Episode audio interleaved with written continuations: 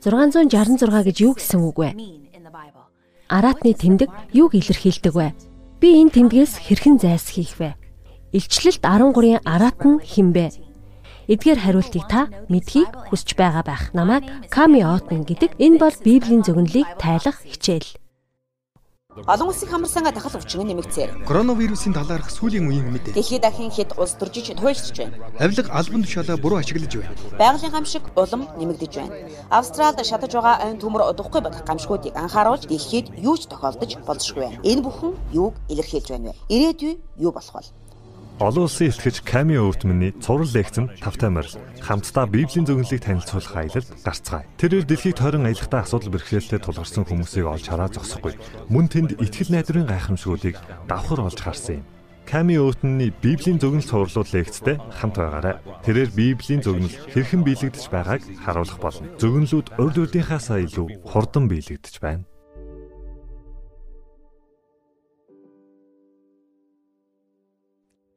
Библийн зөвнөлийг тайлах хичээл тавтаа морилно.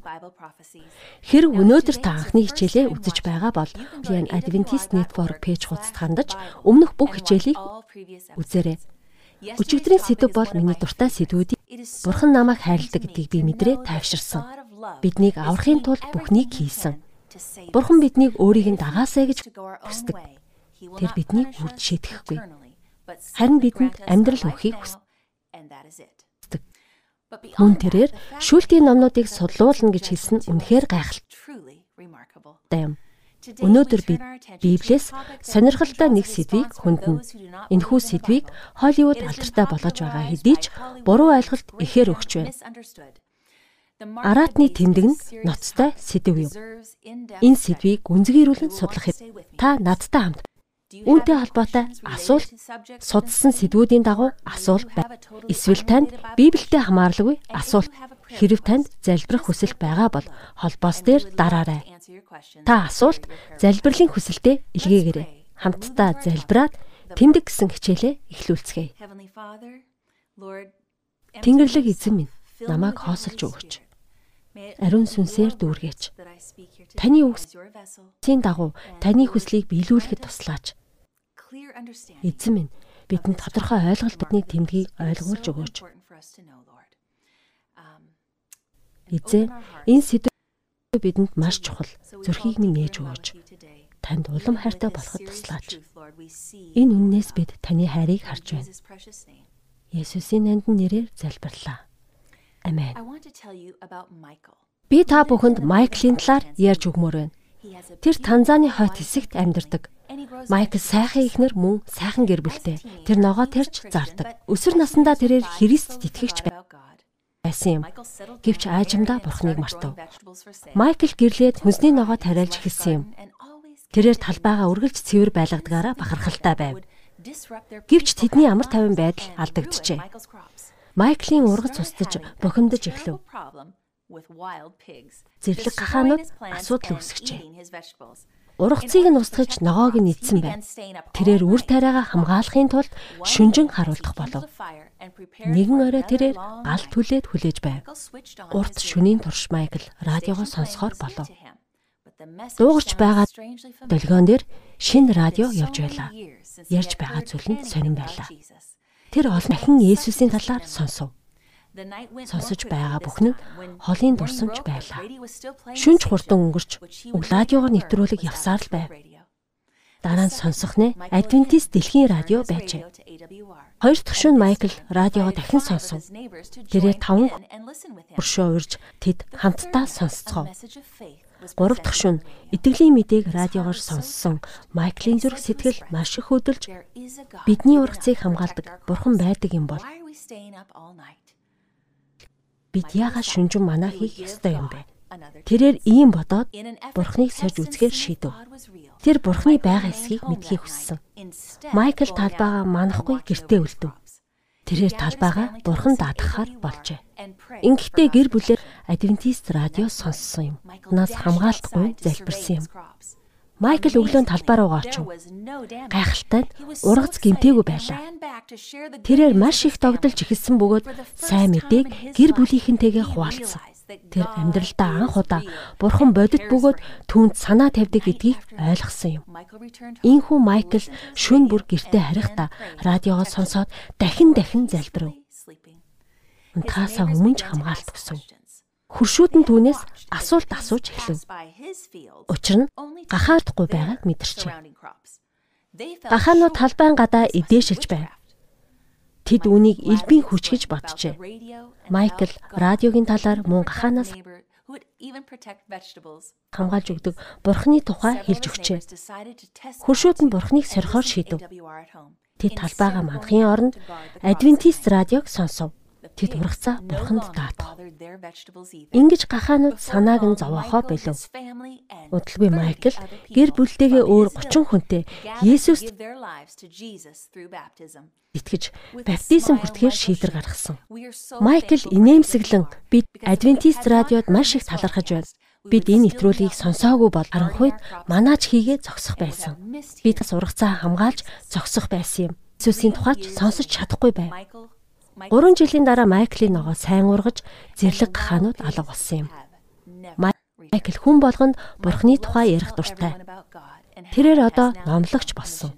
Есүсийг хайрлах хайр нь дахин сэргсэн юм. Тэрээр агуу хүсэл мөрөөдөлтөө болж итгэл ба найдвараар дүүрэн болсон юм. Энэ бүхэн маш энгийн зүйл. Радиогийн нэвтрүүлгийн үр дүн юм. Бурхан залбиралд хариулдаг. Энэ түүх Бурханд бүрэн итгэсэн хүний тухай түүх. Бид Бурханд итгэж сурах хэрэгтэй. Амьдралын жижиг зүйлсэд анхаарах юм бол том асуудлууд ирэхэд зоригтой, итгэлтэй, тууштай байх болно. Бурхан төр зүрийн үр дүн чухал биш. Бурхан мөнхийн төлөвлөгөөтэй бүх жижиг зүйлсийг тэр үе илдүүлдэг. Тэр туйлын шудраг ёсыг тогтоодог. Бид дэлхийг хэрхэн төгсхийг харахтаа Бурханд итгэх боломжтой болох юм. Бурхны зам хайр дээр үндэслэдэг. Би та бүхнийг Бурхны тод тодорхой үгийг ойлгосоо гэж чин сэтгэлээсээ хүсэж байна. Та үннийг хайр. Энэ хичээлийг үзэж байна. Үнэн гэж юу болохыг та өөрөө шийдэх ёстой. Алдаа гэж юу хэлж байгааг мэдэх хэрэгтэй. Хэрв танд Бурхны үгийн эсрэг зүйл ажиглагдах юм бол та тийм зүйлээс татгалзах хэрэгтэй. Гэхдээ хэрв та үннийг эрэлхийлэхийг хүсэж байвал даалд хүлээн зөвшөөр. Сүнс танд үннийг танилцуулна болон надад маш чухал юм. Юу хүсэж хийхээ мэдэх нь маш чухал. Библи анхааруулсан бол итгэх хэрэгтэй. Бурхан яг цагтаа үгээ хэлдэг. Бид 9 хичээл үзэж дууссан. Бурхан үгээ биелүүлдэг гэдгийг харсан. Тэрээр зөв Үнлүүдэрээ дамжуулан биднийг айцаар удирдах биш, харин мэдлэгээр хангахыг хүсэж байна урам зориг өгөхийг хүсэж байна. Бурхан хэнийг ч ичээхийг хүсээгүй. Тэр үргэлж гэгэрүүлэх зорилготой байдаг. Бид айх биш, итгэх хэрэгтэй. Жинхэнэ Христэд итгэгчид хизээч хүмүүсийг эсэргүүцдэггүй. Гэвч хүмүүсийг боолчлох хуурамч зүйлсийн эсрэг байх ёстой чөтгөр хуурамч үннийг дэлгэрүүлдэг. Бурхан хүнд сайн сайхны төлөө өгсөн бүхнийг хүнийг устгахад ашигладаг. Танд сонголт бий. Илчлэл 1:3. Энэ намыг уншдаг хүн ёроолтой. Энэ зөвнөлийг сон. Тэр зүйлийг сахидаг хүн ёроолтой. Цаг хугацаа ойрхон байна. Та түгээмэл уламжлал эсвэл бурханд итгэх. Гүү Өнөө орой чухал сэдв үзнэ. Манай цувралын ураг санаарай. Хэрв Библи байдаг бол итгэдэг. Хэрв энэ нь Библи заагаагүй бол надад зориулагдаагүй болно. Илчлэлт маш аимшигтай зочирдуулан үгийг ашиглан араатны тэмдгийг дүрсэлдэг. Бурхан араатны тэмдгийг авсан хүнийг хэрхэн шийтгэн гэж дүрсэлснийг үздцгээе. Илчлэл 14-ийн 9-с 11. Дараа нь 3 дахь тэнгэрлэгч гарч ирэв. Тэр чанга дугаар араатныг шүтдэг. Дүрийг нь авч дух гарн дээрээ тэмдэг авсан хүн. Бурхны уур хилэнгийн дарснаас уух болно. Бурхны уур хилэнгийн дарс түүн дээр асгарна. Тэр гал хөхрээр тарчлагдах болно. Нарын өмнө мөн хурганы өмнө мөн тэдний утаа дээшлэн мөнхөд алга болж тэнд өдөр шөнж амрахгүй. Аратан ба түүний дүрийг шүтдэг хүн түүний нэртэй тэмдэг авсан хүн устгах болно. Бид удахгүй аратны шинж тэмдгийг судална. Гэхдээ эдгээрийг хийхээс өмнө тэмдэг ав. Хүн үрд сүнэн гэдгийг мартаж болохгүй. Зөвнөл ихэнх хүмүүс аратны тэмдгийг сонгоно гэж заадаг. Илчлэлт номонд дэлхийн бүх хүн хоёр бүлэгт хурцтай хуваагдана гэж заадаг. Нэг бүлэг нь Бурхныг дагна. Бурхны тэмдгийг авна. Нөгөө хэсэг нь сатаныг дагах болно. Тэр аратныг төлөөлдөг. Тэд түүний тэмдгийг хүлээн авах болно. Харамсалтай нь тэд аратны тэмдэг юу болохыг мэддэг ч тэмдгийг авах болно. Бид аратны тэмдгийг таньж мэдхийн тулд Бурхны үгийг судлах хэрэгтэй. Бурхны дөрөвдүгээр тамганы талаар өгүүлдэг.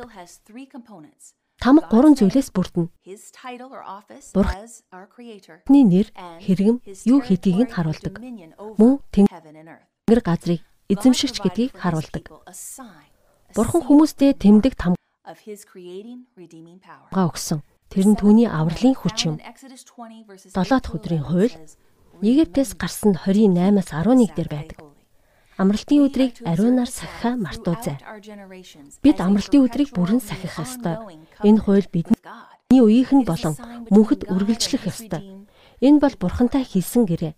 Энэ аврагдсан хүмүүсийн хоорондох тэмдэг Изекэл 20:12-д Би тэдэнд амралтын өдрөө өгсөн. Тэдний хоорондох тэмдэг байх болно. Ингэснээр тэд нам эзэн гэдгийг мэдэх болно. Тэмдгийг тодорхойлох Энэ тулд бид эхлээд аратныг таних ёстой. Аратан юуг илэрхийлдэг вэ?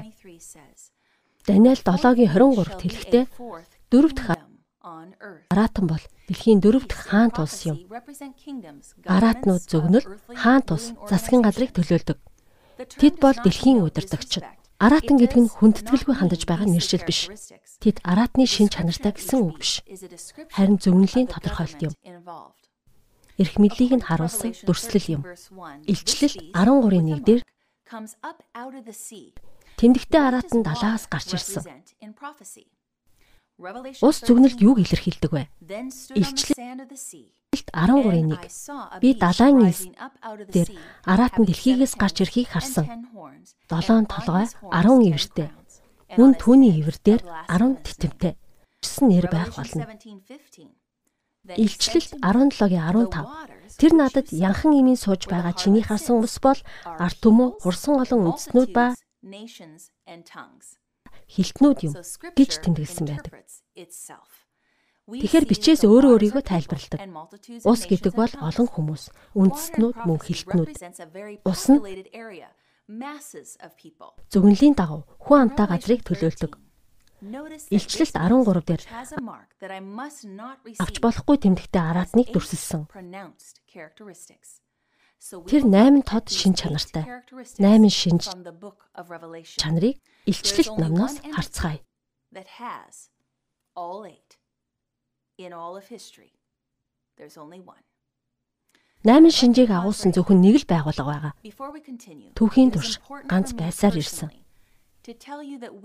Бид хамтдаа хүнд сэдвийг ярина. Эмзэг сэдв хүндэн гэдгээ сануул. Би түүхэн баримтуудыг ашиглана. Энэ нь хувь хүмүүсийг гүтгэх гээгүй юм шүү. Гол нь зөгнөл биелж байгааг харуулах болно.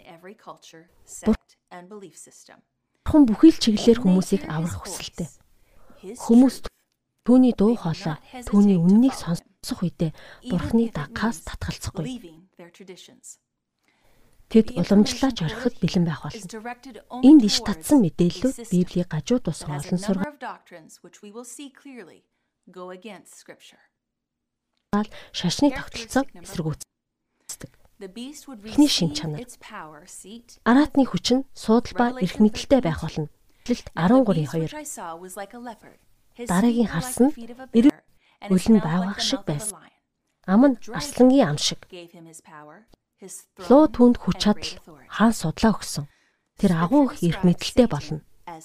Сударт сатаныг луу гэж дүрсэлсэн байдаг. Илчлэлт 12-ын 4. Тэр Тэнгэрийн оддын 3-ны 1-ийг сүүлээрээ дэлхий дээр унагсан. Луу тэр эмэгтэй өмнө зогсож байв. Эмэгтэй төрөхөд бэлэн болоход араад тун хүүхдийг төрсөн даруйд залхихыг оролдсон. Луун сатаныг төлөөлдөг. Мөн хурамч шүтлэгтэй Ромыг бэлэгддэг. Сатан энэ хаанчлалаар ажиллаа хийсэн. Матай 2:16-д Сатан Ромын захирагч хэрээд банаар Есүсийг устгуулахаар оролцсон бөгөөд Бэтлехемийн бүх нэл хүүхдүүдийг алсан. Ромын пап, Ромын католик сүм хүч эрх мэдэл нийслэлээ өгсөн. Энэ бол хуурамч Хөтлөгтэй Ромын эртний улс төрийн засаглал байв. Түүхч Карл Эхард Пап Ламба түүний ажил хэрэг гэдэг номондоо Ромын эзэнт гүрэн задарсан үед түүний байрыг хид хідэн бүдүүлэг харгас хаан тус болох Ромын католик сүм эзэлсэн. Зөвхөн төрөөс хараад бус байгаа зогсохгүй. Шашны хэрэгт давмгайлж байв. Иргэний эргийг мөн захирч эхэлсэн. Адолф Харнаки Христийн шашин гэж юу вэ номонд Ромын сүм, Ромын эзэнт гүрний орон зайг эзлээд бодит үргэлжлэн болсон байдаг. Паплам бол Цэзрийн залгамжлагч. Хоёрдугаар шин чанарын талаар авч үзье. Араат нь дэлхийн хүчрхэг өрн болох болно. Илчлэлт 13-ын 3-7. Тэгээд би түүний нэг толгойг харсан. Үхлийн шарах авсан юм шиг. Түүний үхлийн шарах эдгэв. Бүх дэлхий гайхаж араатныг дагав. Тэр аврагдсан хүмүүстэй дайцсан. Тэднийг ялан дийлж бүх овг амийг удирдах эрх мэдэл олсон байв. Бүхэл үндэстнүүдийг дундад зууны үед Паплам мөнхөр дэлхийн хэмжээний удирдагч байв. Пап Аратны тэмдэгтээ тохирч байна. Ромын пап 7 дугаар гигантэн өөрийгөө төгс гэж тунхаглав. Ромын сүм хизээч алдаа гаргаж байгаагүй. Цаашиж гарахгүй гэж тунхаглав. Судрын дав. Бардан паплам эрх мэдлийг авахыг шаардав. Эзэн хаадыг сентинээс нь буулгаж тушаалыг нь хинч эсэргүүцэх боломжгүй гэв. Гэвч хүссэн үедээ бусдын шийдвэрийг няцаах эрхтэй гэв. 3 дахь шинж. 42 сарын турш захирах болно. Илчлэлт 13-ийн 5 түүнд ам өгөгдөж, агуу зүйлс ба доромжлол хийж 42 сар захирах эрх мэдэл өгөгдөв. Папийн засаг зөгнөл 1260 хоног буюу 42 сар болсон. Энэ зөгнөлийн 3 жил хагас гэсэн үг. Тэд бүгд 1260 жил удирдна гэсэн үг. Зөгнөлт нэг өдөр нэг жилдээ тэнцдэг. Тиймээс нэг 7 хоног 7 өдөртөө тэнцэнэ. Энэ нь 7 жилдээ тэнцэнэ гэсэн үг. Изекэл 4:6 дээр Бурхан өдөр бүр нэг ижил гэж би тогтоосон гэсэн байдаг. Тооллого 14:34 Та нар 40 хоног газар нутгаар хэсүүчлэв. Нэг өдөр нь нэг жил байх бөгөөд та нар ийм хугацаанд гин бурууга үүрнэ. 40 жил. Хүмүүсийг хавчиж байсныг түүх гэрчлэнэ. 1260 жилийн турш манай эртний 538 онд Ромын папын ноёрхол эхэлсэн. Эзэн хаан Юстиниан өөрийгөө Ромын санвартны албан тушаал буюу бүх сүмийн тэргүүлэгчд өргөмжилсөн. Үүнийг Юстинианы зарлиг гэж нэрлэдэг. Манай эртний 538 он түүхэндх эргэлтийн цэг болов. Ромын эзэнт гүрний үед Юстиниан өөрийгөө дайчин биш харин теологч болсон гэж үзсэн. Тэр бүрэн эрхээ хэтрүүлж хуурамч шүтлэгтэй Ромын эзэнт гүрнээс ариу Ромын эзэнт гүрэн болгосон. Манай эртний 538 он дээр 1260 жилийг нэмэх юм бол 1798 он болно. Энэ жил Пап Лам Францын тэрээр суудлаасаа буусан. Тэрээр Наполеоны үед папыг хорсон нэгэн. Пап 18 сарын дараа Францад цөлөгт нас барав. Ийхүү папын эрх мэдэл унсан юм. Зөвнлийн дагуу унсан. Дөрөвдүгээр шинж тэмдэг. Аратан бурхныг доромжсон. Илчлэл 13-ын 5 6 дээр түүнд агуу зүйлс доромжлол ярих ам өгсөн бөгөөд түүнд эрх мэдэл олгов. Тэр 42 сарын турш ийхүү ярина. Дараа нь дэг доромжлохоор амаа нээх болно. Түүний нэрийг түүний асрыг тэнгэрт амьдардаг хүмүүсийг доромжлно. Ариун Библи доромжлыг тодорхойлсон. Тэр өөрийгөө бурхан гэж тунхаглахыг 10:33 дээр үзүүлсэн. Юудэчүүд түүнд сайн үсийн төлөө чамайг чулуугаар шидэж алахгүй. Харин бурханыг доромжсны төлөө байж өөрийгөө бурхан болгосон учраас гэв. Лук 5:21 дээр өөрсдийгөө нүглийг уучлах чадвартай гэж үздэг. Хуулийн багш фарисеучуд. Энэ доромжлол ярддаг хүн хинбэ? Бурх чадахгүй гэж хэлдэг. Дараах мэдэгдэлд бурхныг доромжсон үг мөн үү? Феррарисийн номлолын толбичигт Ромын пап үнэхээр агуу нэртөр өндөрт өргөмжлөгдсөн. Тэр жирийн хүн биш. Тэр бурхан адил. Бурхан хаан ба дээд эзэн хаан.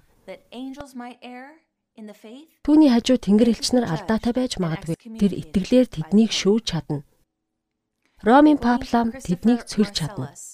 Кристофер Марселосын 5 дахь Латераны зөвлөлийн илтгэлүүд ном нь та бол дэлхий дээрх өөр бурхан.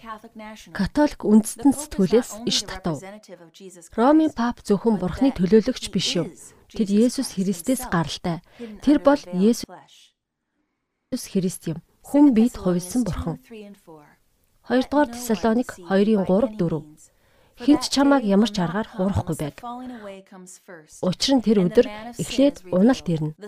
Дараа нь нүглийн хүү илчлэгдэнэ. Бурхны тогтоосон түүний шүтлгийг эсэргүүцдэг, өөрийгөө өргөмжилдэг нэгэн. Бурхны сүмд бурхан шиг суух болно. Катехизмас тати Католик шашны сургаал Оркот 1929 он. Асуулт: Санварт нь нүглийг үнэхээр уучилдаггүй эсвэл дээш уламжлсан гэж үзэх үү? Хариулт: Тахилч хүнийг бүрэн уучилдаг. Энэ бол Есүс Христийн түүнд өгсөн хүч юм. Гигэн Альфонсус Лигуори санварт Санвартны нэр төр ба үүрэг номноос Санвартад гимтнүүдийг тамаас гаргах хүч төлхүүр бий. Тэдэнд деважин болон бурхантай уулзах хүч бий. Тиймээс санвартны үеийг дагаж мөрдөх хэрэгтэй. Санвартан хүний бүтээгч гэж нэрлэгдэж болно. Гиген Лауренс Юстиниан санвартан химээх өөр Христээр ирцгээ. Тав дахь шин чанар Аратан эдгэх үхлийн шархыг олох болно. Бүх дэлхий түүнийг дагах болно.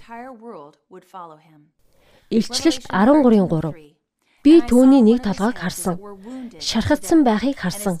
Түүний үхлийн шарх эдгэрч бүх дэлхийн араатны араас явв. Тэд араас нь дагсан. Тэд араатныг бодтой дагдаггүй. Танин мэдхүйгээрээ дагдаг. Тэд араатныг дагаж араатн шиг сэтгэнэ. Тэд араатны хүч чадалтай нэгдэнэ after the beast, so that they have the same mindset as the beast. They choose to unite with the beast power. Пап үхлийн цохилт авсан байсан. 1798 онд Бирти Ромын папыг олзлоо. Тэр цөллөгт нас барав. Европын тэн хагас нь пап ламыг устлаа гэж бодсон. Гэсэн хэдий ч бурхан шархан эдгэрнэ гэж зөгнсөн байдаг. Папийн нөлөө өсөж дэлхий түүнийг дагна till all the world followed her lead. Ромын пап Франциск ортодокс англикан сүмүүдийг нэгтгэхийг уриалсан. Тэр мөн бусад протестант урсгалуудыг уриалсан.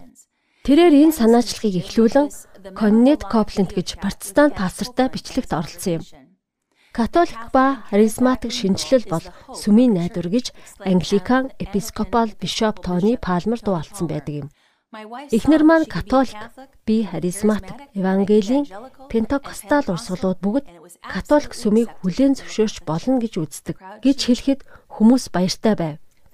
Католик шашин ба протестант шашны том ялгаа хурдан алга болж байна. Харин Ром өөрчлөгдөөгүй.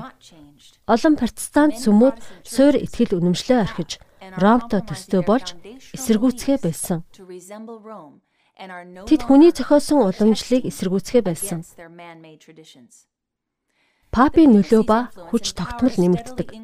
Өнгөрсөн зуунд католик шашинтнуудын тоо дэлхийн өнцөг болон бүрт 3 дахин нэмэгдсэн байна. Бараг 1.3 тэрбум хүн тоологджээ. 2019 оны папийн жилийн эмэгтгэлд. Дэлхийн ертөнц өнөөдөр Ромын папыг ажиглаж байна. Түүнийг дэлхийн эв нэгдэл, хайр, инх тайвны найдвар гэж бодож байна. Бурхны зөвнсний дагуу 6 дугаар шинж. Аратны ид чидийн дугаар нь 666. Илчлэлт 13:18. Энд мэрэгэн ухаан байна. Ухаантай нэгэн нь тоог тооцоолог. Аратны тоо бол хүний тоо. Түүний тоо 666. Библи 666-г хүний тоо гэж нэрлэдэг. Орчин үеийн тайлбарлагчид үүнийг буруугаар ашигладаг. 666-г янз бүрийн технологи гэж үздэг. Бид дэмий зүйл цагаа өргөх шаардлагагүй.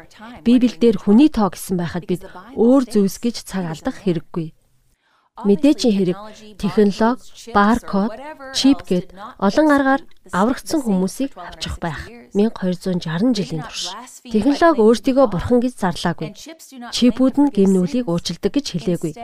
Үүний оронд шин чанаруудад анхаар Антихрист хэмээх аратны хүчинд төвлөр. Бид хэнийг ч антихрист гэж ярьж болно. Гэвч тодорхойлтууд нь бүх шинж тэмдгийг биелүүлэх ёстой. Библи үүнийг л заадаг. Аратны тоо бол хүний тоо. Бас аратных. 666 гэсэн тоо папад хамаатай. Энэ бол аратнаар төлөөлүүлсэн хаан тус. Папийн гуншин хүснэгтэд үзүүлсэнчлэн хүний тоо болдог. Тэр хаан тусынхаа дээд удирдагч тэр нүгэлт хүн гэсэн Библийн ишлэлтэд нийцдэг. Бид өмнө нь 2 дугаар Тесалоник 2-ын 3-ыг уншиж байсан. Ромын пап гигийн хутагт Викарус Вилидэ гэсэн албан ёсны гуншинтай. Тэр нь Бурхны хүү гэсэн үг. Үүнийг папын сургаал баталгаажуулдаг. Мөн бусад католик хэвлэлүүд 1943 оны нотариатаар гэрчлүүлсэн хуудсан дээр католик их сургуулийн доктор Йоханнес Каустн тэрээр Викарус Вилидэ цолын гуншин бол Викарус Христи гэдэгтэй адил цол юм. Энэ бол Ромын папын цол хэрэгэм. Ним гаригийн зочин номонд Ромын папын цол бол Vicarius Vili Dei юм. Энэ цол түүний малгай дээр бичигдсэн байдаг. Хэрв тоон тойрогвол тэдгээрийг нэмээд 666 болно. Протестант доктор Хенри Гратен Генис Вавилон ба Аратн номонд Английн өндөр зэрэглэлийн офицер 1799 онд Ромд байхдаа Хафт ламын үнэт зүйлсийг харсан байдаг. Утсан дээр үнэт зүйлсийг. Тэр папи өмсгөл дээр Vicarus Vili Dei гэж бичсэн байсан. Олон протестант сүмүүд 666 гэсэн тоог паплан биш бүх хүн төрлөختнийг төлөөсөн тоо гэж зааж байна. Хэрв католик болон протестантууд үүн дээр нэгдэж чадах юм бол папыг хамгаалах тангарахтай Иесус нийгэмлэг үүнийг номон дээрээ баталгаажуулж байна. Ромын тоог утгаар нь тоолоод үзээрэй. Бэлэгдсэн дээр байгааг бодоод үз. V тавтаа тэнцүү. I нэгтэй тэнцүү. Син 100-тай тэнцүү. Гих мэтчлэн тос бүрийг тоолох юм бол 666 болно. New Adventist Catholic энциклопедиагаас иш татъя. 14-р зуунаас хойш Ромын пап 3 үедээ титэмтэй байсан. Ватиканы хийснээр 3 давхарг нь папи, хаадын эцэг, дэлхийн захирагч, мөн бурхны хүү Христ гэдгийг бэлэгддэг гэсэн байдаг. 7 дугаар шинж Аратан бош шашны хүч энэ нь шүтлэгтэй холбоотой зүйл. Илчлэлт 13-ын 5 ба 8. Түүнд агуу зүйлс ярих ам өгөгдсөн. Түүнд доромжлох мөн эрх мэдэл өгөгдсөн. 42 сарын турш. Дэлхийн бүх хүмүүс түүнд мөргөх болно. Амийн номонд нэр нь бичигдээгүй хурганы золиосыг хүлээн аваагүй хүмүүс түүнд мөргөнө.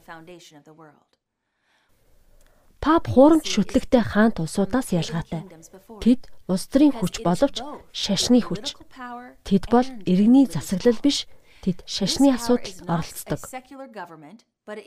Илчлэлт 13 дээр мөргөл гэдэг үгийг дөрвөн удаа хэрэгэлдэг. Энэ бүлэг хуурамч шүтлгээс сэрэмжлүүлдэг юм. A chapter of warning against false worship. Пап Пиусийн 9-р ишлэл 1864 оны 12 дугаар сарын 8. Католик шашныг ол шашин болгохын тулд бусад мөргөлүүдийг байхгүй болгох хэрэгтэй гэж бичсэн байдаг. 8 дугаар шинж. Аратан аврагдсан хүмүүстэй дайдаж хавчих болно. Илчлэлт 13:7. Түүнд Бурхны хүмүүстэй дайн хийж тэдгээрийг ялах овг бүрийг удирдах эрх мэдэл хил үндэстнүүдийг захирах эрх өгөгдөнө. Протестант Христэд итгэгчдийг хисээр буруутгаж байсан. Хамгийн аимшигт гинт хэрэгүүдийг үйлцэн гэж гүтгсэн. Агуу гамшгуудын шалтгаан гэж зарлсан. Тэднийг босогчд химээ харгасаар яллав. Эзэнт гүрний эсрэг шашны дайсан гэж хэлв. Зэрлэг аратнуудад ихэнхийг нь идүүлв. Амфитеатруудад амьдаар нь шатаасан. Тэдний шийтгэл ихэвчлэн 6 маягаар алуулах байв. Маш олон хүмүүс цугларч таашаал ав. Шаналж өгөхийг нь хараад инээж алга ташин үзнэ. Түүхчид Дэ Абажийн вайлнаар сая гимгүү хүмүүсийг хомроглон устгасан. Ганц удаагийн хавчлагаар. Джон Калвины загталд эзэн хаан 5 дугаар Чарльз. Би папыг бурхны хүү Христ гэж үзэхгүй байна. Сайн мэдээг тэр хавцсан. Тэр бол антихрист юм.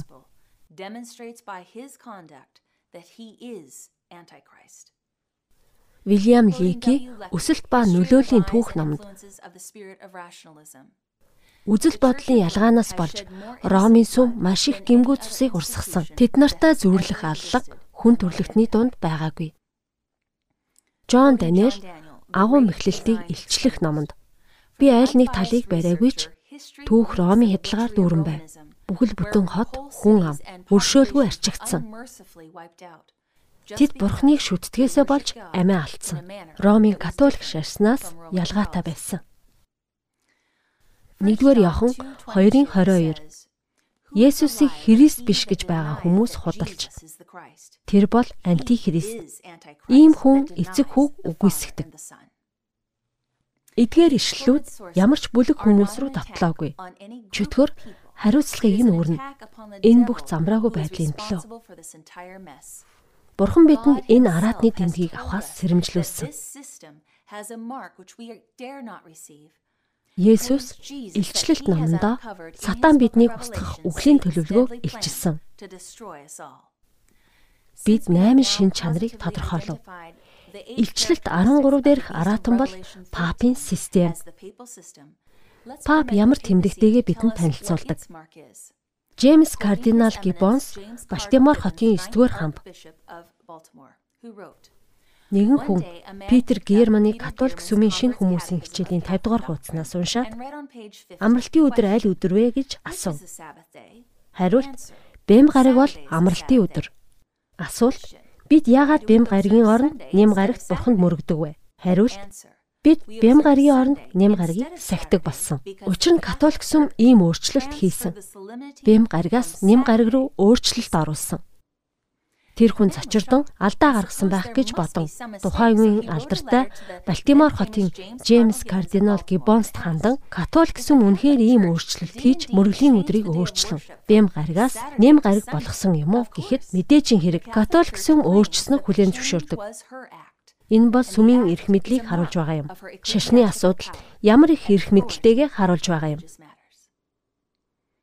Лондонгийн католик сэтгүүл нэм гараг бол бидний эрх мэдлийн тэмдэг.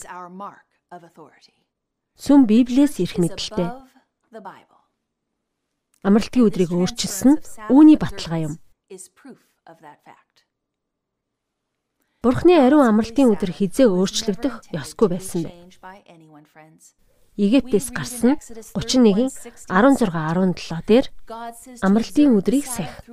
Үе үеийн туршид үрдийн гэрээ болог. Энэ бол миний та нарт өгсөн тэмдэг. Миний хүүхдүүд энэ өдрийг үрд сахина. Изекэл 20:20 Миний амралтын өдрүүдийг хүнддэг. Энэ өдөр бидний хоорондын тэмдэг байх бөгөөд ингэснээр та нар намайг Бурхан эзэн гэдгийг мэдэх болно. Изекэл 20:12 дээр би тэдэнд амралтын өдрүүдээ өгсөн. Энэ бидний тэмдэг байх бөгөөд тэд үүгээр тэднийг ариусгадаг эзэн гэдгийг мэдэх болно.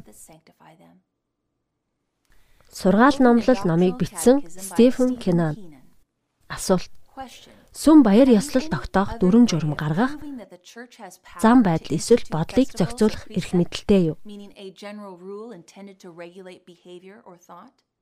Хариулт Хэрв тийм хүчгүй байсан бол сүм хүмүүсийг удирдах чадахгүй байх байсан. Бүх орчин үеийн шашнууд үүнтэй санал нэг байдаг. Хэрв тийм бол нэм гаргийг тогтоож чадахгүй байх байсан. Бэм гаргийн оронд 7 хоногийн эхний өдрийг мөргөлийн өдөр болгож 7 дахь өдрийг өөрчилж чадахгүй байх байсан. Судар өөрчлөх эрх мэдэл өгөөгүй.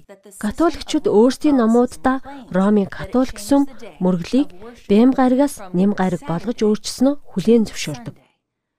Нэм гариг бол араатны эрх мэдэл ба хүч юм. Энэ бол хуурамч бурханд мөрөхөө, бүтээгч аврагчд мөрөхөө гэсэн тэмцэл. Библийн бүх үннийг сатан мушгин гуйсан байдаг. Бурхны тэмдэг түүний хүч чадлыг харуулдаг.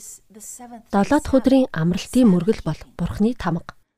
Араатны хүч чадлын тэмдэг нь эхний өдөр болох нямгараг тэр өдрийн мөргөл юм. Хүмүүс паплам өдрүүдийг өөрчилж мөргөлийг бям гарагаас нэм гараг шилжүүлсэнийг мэдтгвэ. Пап үнэхээр Бурхны амралтын өдрийг нэм гарагаар өөрчилсөн үү? Эсвэл зөвхөн өөрчилсөн гэж бодож байна уу? Даниэл 7-гийн 25. Тэр бардам үг хэлэх болно.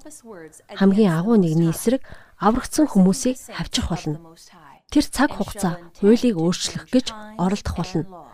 Дараа нь аврагдсан хүмүүст нэг цаг хугацаа, цаг хугацаа, хагас цаг хугацаа өгөгдөнө. Даниэл 7 илчлэлт 13-тай хоршдог.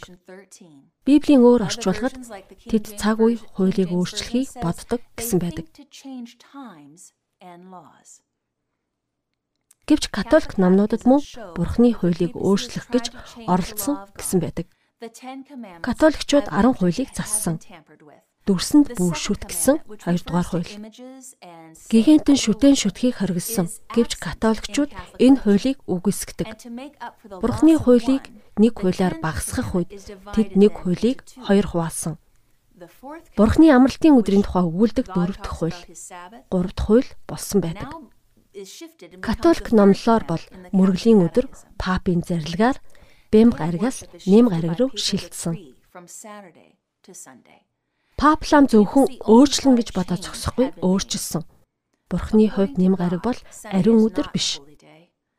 Дөрөв дэх хуулийн дээрх амралтын өдөр хүчнтэй хിവэр. Джон О'Брайен сая сая хүний итгэл, итгэмжлэх жуух бичих гэсэн номондоо католик шашны тухай бэм гариг, нэм гариг биш юм бол Библийн талаар тодорхой заасан байхад католик биш шашинтнууд яагаад энэ өдрийг шүтэж байна вэ? Тэд Библийг унших юм бол сүмийг даахгүй юм бол бэм гаригийн оронд нэм гаригийг тэмдэглэх нь зөв. Тийм ээ. Мэдээж нийцэхгүй. Энэ өөрчлөлт 15 дугаар зуунд хийгдсэн өөрчлөлт. Протестантизм үүсгэхээс өмнө тэр үед олон нийт ийм заншилтай болсон. Тэд заншлыг үргэлжлүүлж үнэндээ бол нэм гаригийн мөргөл Библиэлд биш харин католик сүмийн эрх мэдлэр өөрчлөгдсөн юм. Библиэд үндэслээгүй нэм гаригийн шүтлэг. Католикчууд их сүмээс салсан өөр урсгалуудад шингэсэн юм. Энэ нь гэрээсээ зогтсон хүү ээжийнхээ зураг үсний хавчаарыг нэндэгнэн хадгалж байгаатай адил зүйл. Шашны удирдагчид нэг хуулийг үгүйсгэж, Бурхны амралтын өдрийг үгүйсгэж байгаа дуртай байдаггүй. Бурхан эртний дахилч нар эсвэл пасторуудыг юу гэж шүүмжилсэн бэ? Малахи 2-ын 7-оос 9 Та нар олныг бүдрүүлж, хуулийг эсэргүүцэж, миний замыг дагаагүй. Миний хуулийг үл таамсарлсан. Бурхан Изекиэлийн үеийн шашны удирдагч нарт түүний замыг дагаагүй хүмүүст хуулиудыг доог тоху болгож байгаа хүмүүст Изекиэл 22-ын 26 27 Тэр тахилч нар миний хуулийг зөрчсөн. Миний ариун зүйлийг бузарлав. Ариун ариун бүсийг хооронд нь ялгахгүй.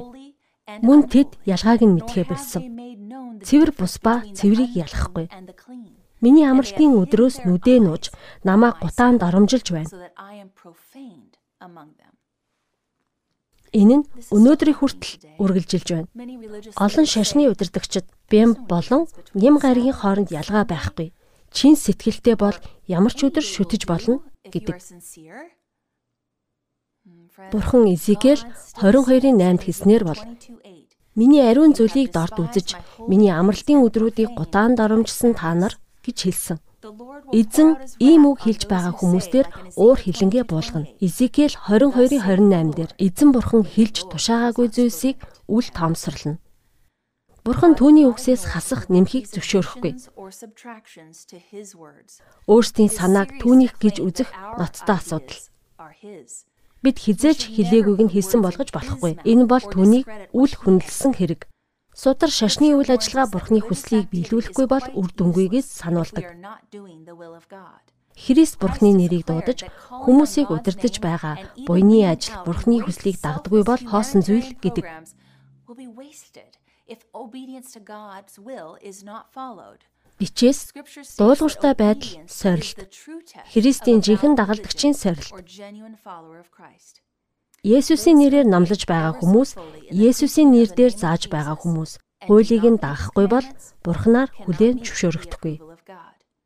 Соло скриптура буюу зөвхөн Библи гэсэн хүмүүс Библийг цорын ганц эрх мэдэл гэж үзэж байгаа хүмүүс Бурханаар хүлээн зөвшөөрөгдөнө. Тэгэхээр энэ юу гэсэн үг вэ? Протестант байна гэдэг бол тэмцэн гэсэн үг. Худлыг үгүйсгэж папийн эрх мэдлийг эсэргүүцнэ гэсэн үг. Пап Ромын католик сүм папийн засаглалыг эсэргүүцэж өөрчлөн шинжлэгч нарын зарчмыг дагах хэрэгтэй. Үүний төлөө мянган мянган шинжлэгчид амиа зориулсан. Протестантууд уг нь Библи цорын ганц эрх мэдэл гэдэг байсан. Хуурамч шашнуудыг эсэргүүцсэн, папыг эсэргүүцсэн. Протестантууд папаас Бурхны хуулийг яаж өөрчилж чадав гэж асууж байв. Гигэн Катрины католик сүм 1995 оны 5 дугаар сарын 21. Сүмийн хамгийн их өөрчлөлт зөрөгтэй шийдвэр 1-р зуунд тохиолсон баг. Амралтын ариун өдрийг өөрчилж бэм гаригаас нэм гариг руу шилжүүлсэн. Эзний өдрийг ямар нэгэн библийн бичээс биш цэвэр сүмийн эрх мэдлэр хүч нөлөөгөөр өөрчилсөн. Дахин амьсан Пентакостийн өдөр дахин амьснаас 50 хоногийн дараа болсон. Тиймээс энэ өдрийг амралтын өдөр болгосон. Хүмүүс Библийн эрх мэдлийг дагах ёстой гэж боддог. Уг нь энэ өдөр зүү ёсондоо ариун амралтын 7 дахь өдөр байх ёстой юм. Аратны тэмдэг хаан тавигдах вэ? Илчлэлт 13:16 дээр Тэр агуу жижиг баян ядуу чөлөөт боол хүмүүсийн баруун гар духан дээр тэмдэг тавина. Тэмдэг нь бодит тэмдэг биш. Бид зөвнөлийг судлахдаа бэлэгдлийг тайлдаг. Дух оюухан бурхныг даах сонголтыг илэрхийлдэг. Ром 7-гийн 25 Номлогчийн үгс 9:10. Гар нь ажил үйлсийг бэлэгддэг. Нэм гарагт мөргөл хийдэг хүн духандаа тэмдэг тавиулна. Тэдний сонголт амралтын өдөр ажил хийж байгаа хүн хавчлага өглөөс цугтаж байгаа хүн гар дээрээ тэмдэг тавиулна. Нэм гарагт мөргөл хийж байгаа хүмүүс тэмдэг авсан уу? Библийн хариултыг харъя. Илчлэл 13-ын 17 Тэмдэггүй хинч худалдаж худалдан авч чадахгүй. Аратны тэмдгийг авсан хүмүүс түүний тоог авна. Хинч одоогоор аратны тэмдэггүй байгаа. Удахгүй тэмдэггүй хүн худалдаж худалдан авч чадахгүй болно.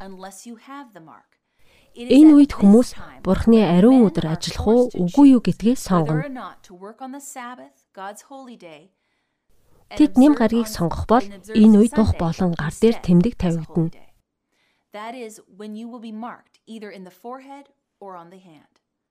Амралтын өдрийг зөрчих нь ноцтой асуудал. Бурхны хуулийг зөрчиж байгаа учраас ноцтой юм. 1-р Иохан 3:4 Гим хийж байгаа хүн хуулийг зөрчиж байгаа бөгөөд хууль зөрчих гим нүгэл үлдсэн гэсэн үг. Мэдсээрэж Бурхны ариун өдрийг зөрчиж байгаа нь зөв харж ойлгохоо болно. Тэд харанхуудаа үлдэнэ. Йохан 12:35 дээр Есүс Би та бүхэнтэй хэсэг байх болно. Гэгээтэд алхаж харанхууд бүү авт. Харанхууд алхагч хаашаа явж байгаагаа мэддэггүй. Төгсгөлийн үед бурхан бэрхшээлийн салхийг тэнгэр элчүүдээр хаалгаж байгаа. Дэлхийд муу зүйл тохиолдохыг бурхан зохицуулж байна. Тэгвэл удахгүй юу тохиолдох вэ? Бурхан нэгүсэнгүй. Гэвч энэ бүхэн төгсөх болно. Түүний замыг сонго. Илчлэл 7-гийн 1-ээс 3. Эдгээрийг харсны дараа дэлхийн дөрвөн өнцөгт дөрвөн тэнгэрлэгч зогсож байв. Тэд дөрвөн салхийг барьж байв. Салхи дэлхий далай моддыг хийсгээгүй. Дараа нь би өөрний тэнгэрлэгч харсан. Зүүнээс ирэхийг харлаа. Амьд бурхны тамгатай тэрээр чанга хашгирахад дөрвөн тэнгэрлэгчүүд дэлхийд муу зүйлс тохиолохыг зөвшөөрч тэнгис газар, тэнгисийг бүү оролд, модод бурхны зарц нарыг халахлах ба тэд тухандаа тэмдэгтэй байх болно. Салхин, зовлон, дайн самуурлыг бэлэгддэг. Бурхан дэлхийг сүрхээс хамгаалж байдаг.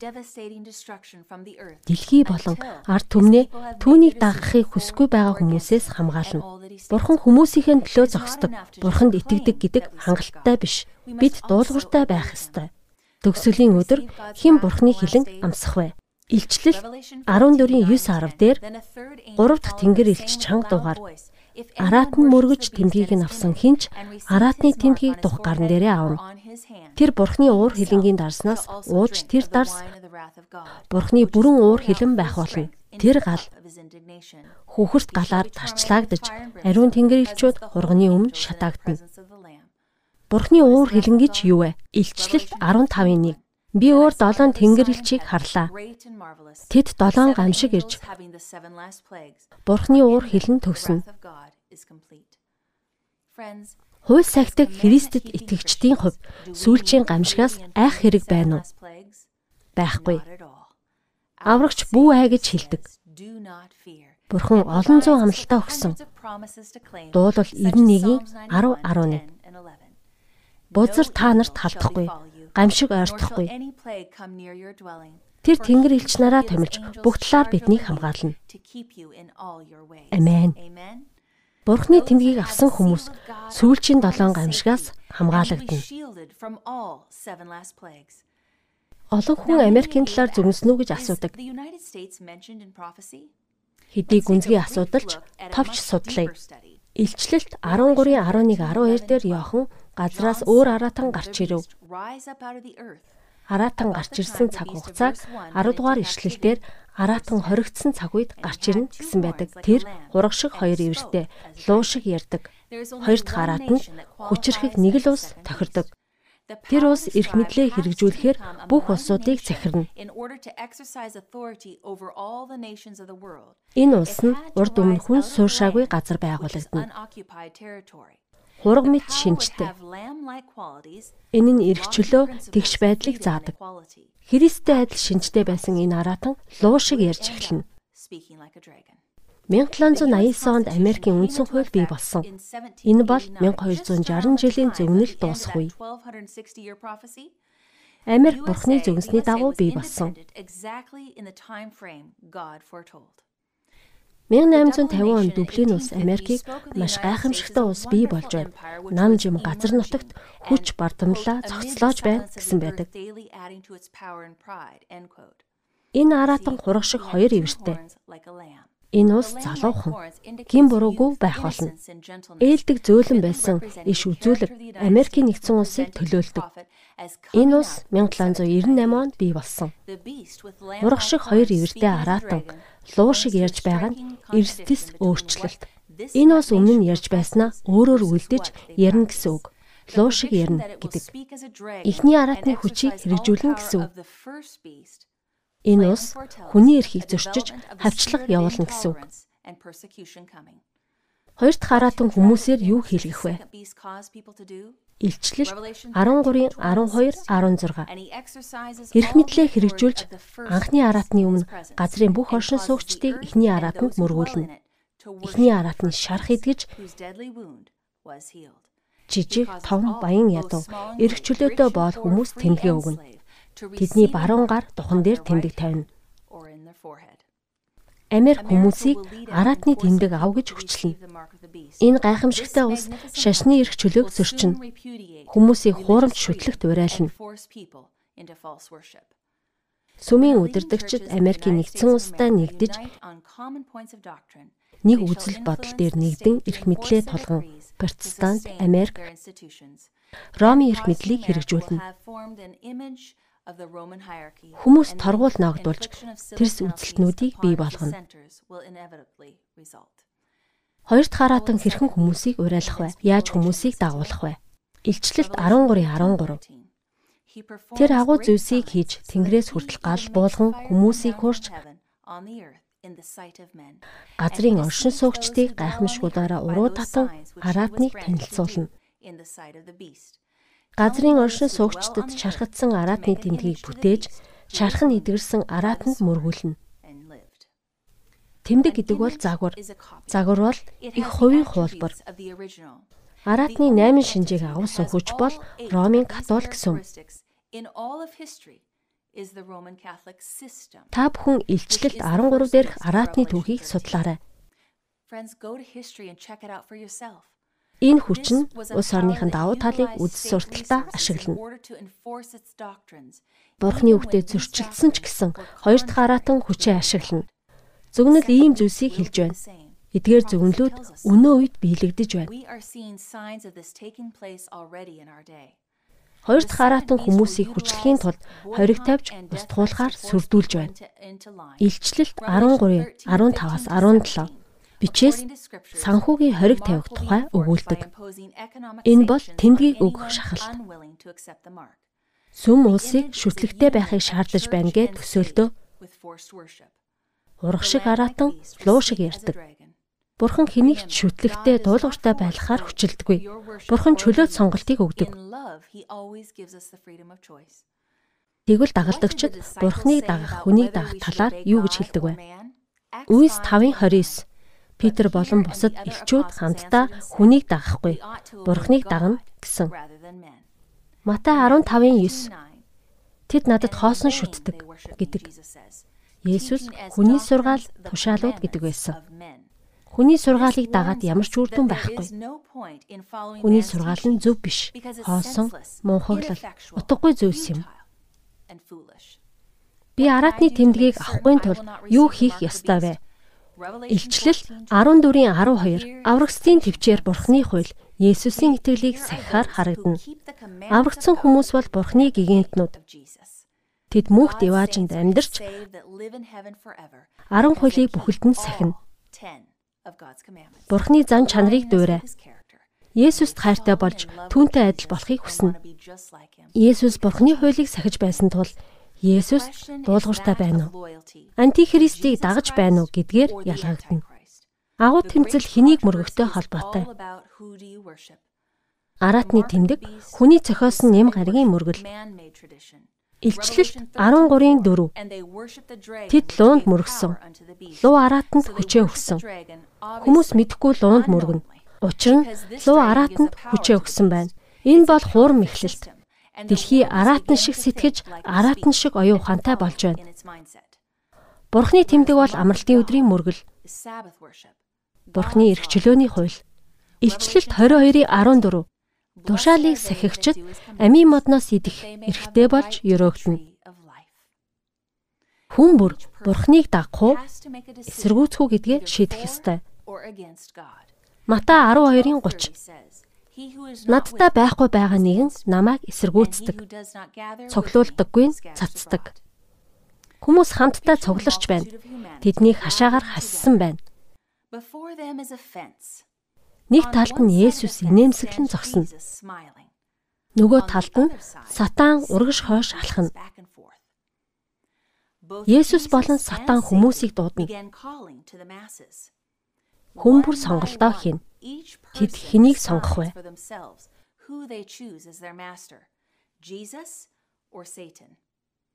Хамгийн сүүлчийн хүн шийдвэрээ гаргасангүй. Альч талд орсонгүй. Тэр дунд нь зогсоод хөдлөхгүй байна. Есүс хүмүүсээ дагуулan явна.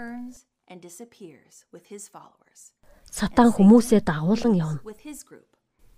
Шийдвэр гаргаагүй хүн их ухаалаг шийдвэр гаргалаа гэж бодож байна гэж бодъё.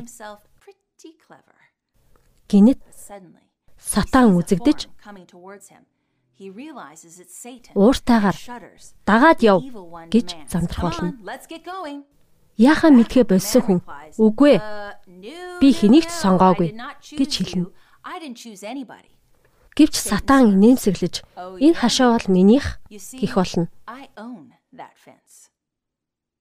Аль талд орхоо би шийдсэн. Би Есүсийн талд орно. Харин та ямар шийдвэр гаргасан бэ? Есүс намайг дагаагүй намайг эсэргүүцдэг гэж хэлсэн. Шийдвэр гаргахгүй байна гэдэг өөрөө шийдвэр. Та Христийг аврагчаа гэж шийдэхгүй бол хэн таныг аврах вүлээ? Библи Есүс бол деваачин руу явах хаалга. Цорын ганц зам юм гэдэг. Йохан 14-ийн 6 дээр надаар дамжихгүйгээр хинч эцэг дээр ирэхгүй. Бид Есүсийг сонгож үнний төлөө зогсох хэрэгтэй. Бид Библийг судлаа. Тэр удахгүй ирнэ. Тэр хугацаагаа хойшлуулахгүй. Та шийдвэрээ гаргаагүй байгаа юм биш үү? Та Есүсийн дуудаж байгааг мэдэж байна уу? Та Библийг уншаад төгсгөл мөргөлтэй холбоотой ойлгосноо. Та араатны тэмдгийг таньж мэдэх 8 шинжтэй танилцлаа. Бурхан бидэнд Илчлэлт 13-аар араатны тэмдэг юу болохыг харуулсан. Та Есүст хандан би таныг сонгож дагна гэж хэлээрэй. Хэрв та шийдвэрээ гаргаж байгаа бол холбоос дээр дараарай би араатныг шүтгэхгүй, тэмдгийг ч авахгүй гэсэн шийдвэр гаргаж байна уу? Тэгвэл шийдвэрээ тэмдэглээрэй. Та Есүсийг мэдхийг хүсэж байна уу? Библийн амралтын өдрийг сонгож байна уу? Тэгвэл сонголтоо хийгээрэй. Та Есүсийг таньж мэдээд баптизм хүртмээр байна уу? Шийдвэрээ гаргаарай. Хамтдаа залбирцгаая. Тэнгэрийн эцэг минь Библийн үннийг хүлээж авахар тэмцэж байгаа хүмүүсийг ивэж өгөөч. Хүн бүр таныг таньж мэдэх болтугай. Араатан тэмдгийн зөвнөлийг ойлгоход туслаарай. Та удахгүй ирнэ гэдгийг бид мэднэ. Хүн бүр шийдвэрээ гаргах ёстой. Хэний талд байхаа шийднэ. Хүн бүртээ хамт байгаач. Үгээ ойлгуулахаар ариун сүнсээ илгээгээрэй. Та бүхэн одоо надтай хамт залбираач. Йошуа шиг би болон манай гэр бүл таныг сонгоно гэж хэлээрэй. Есүсийн ариун хүчрэх нэрээр залбирлаа. Амен. Библийн багш нар маань бэлэн байгаа. Холбоос дээр дараарай. Тэд таны асуултанд хариулах болно. Цагаа зориулсанд баярлалаа. Маргааш эргэн уулзъя дараагийн сэдвийг судалцгаая. Библийн зөвнөлийг тайлах хичээл. Анхны замыг сонго. Сайхан амраарай.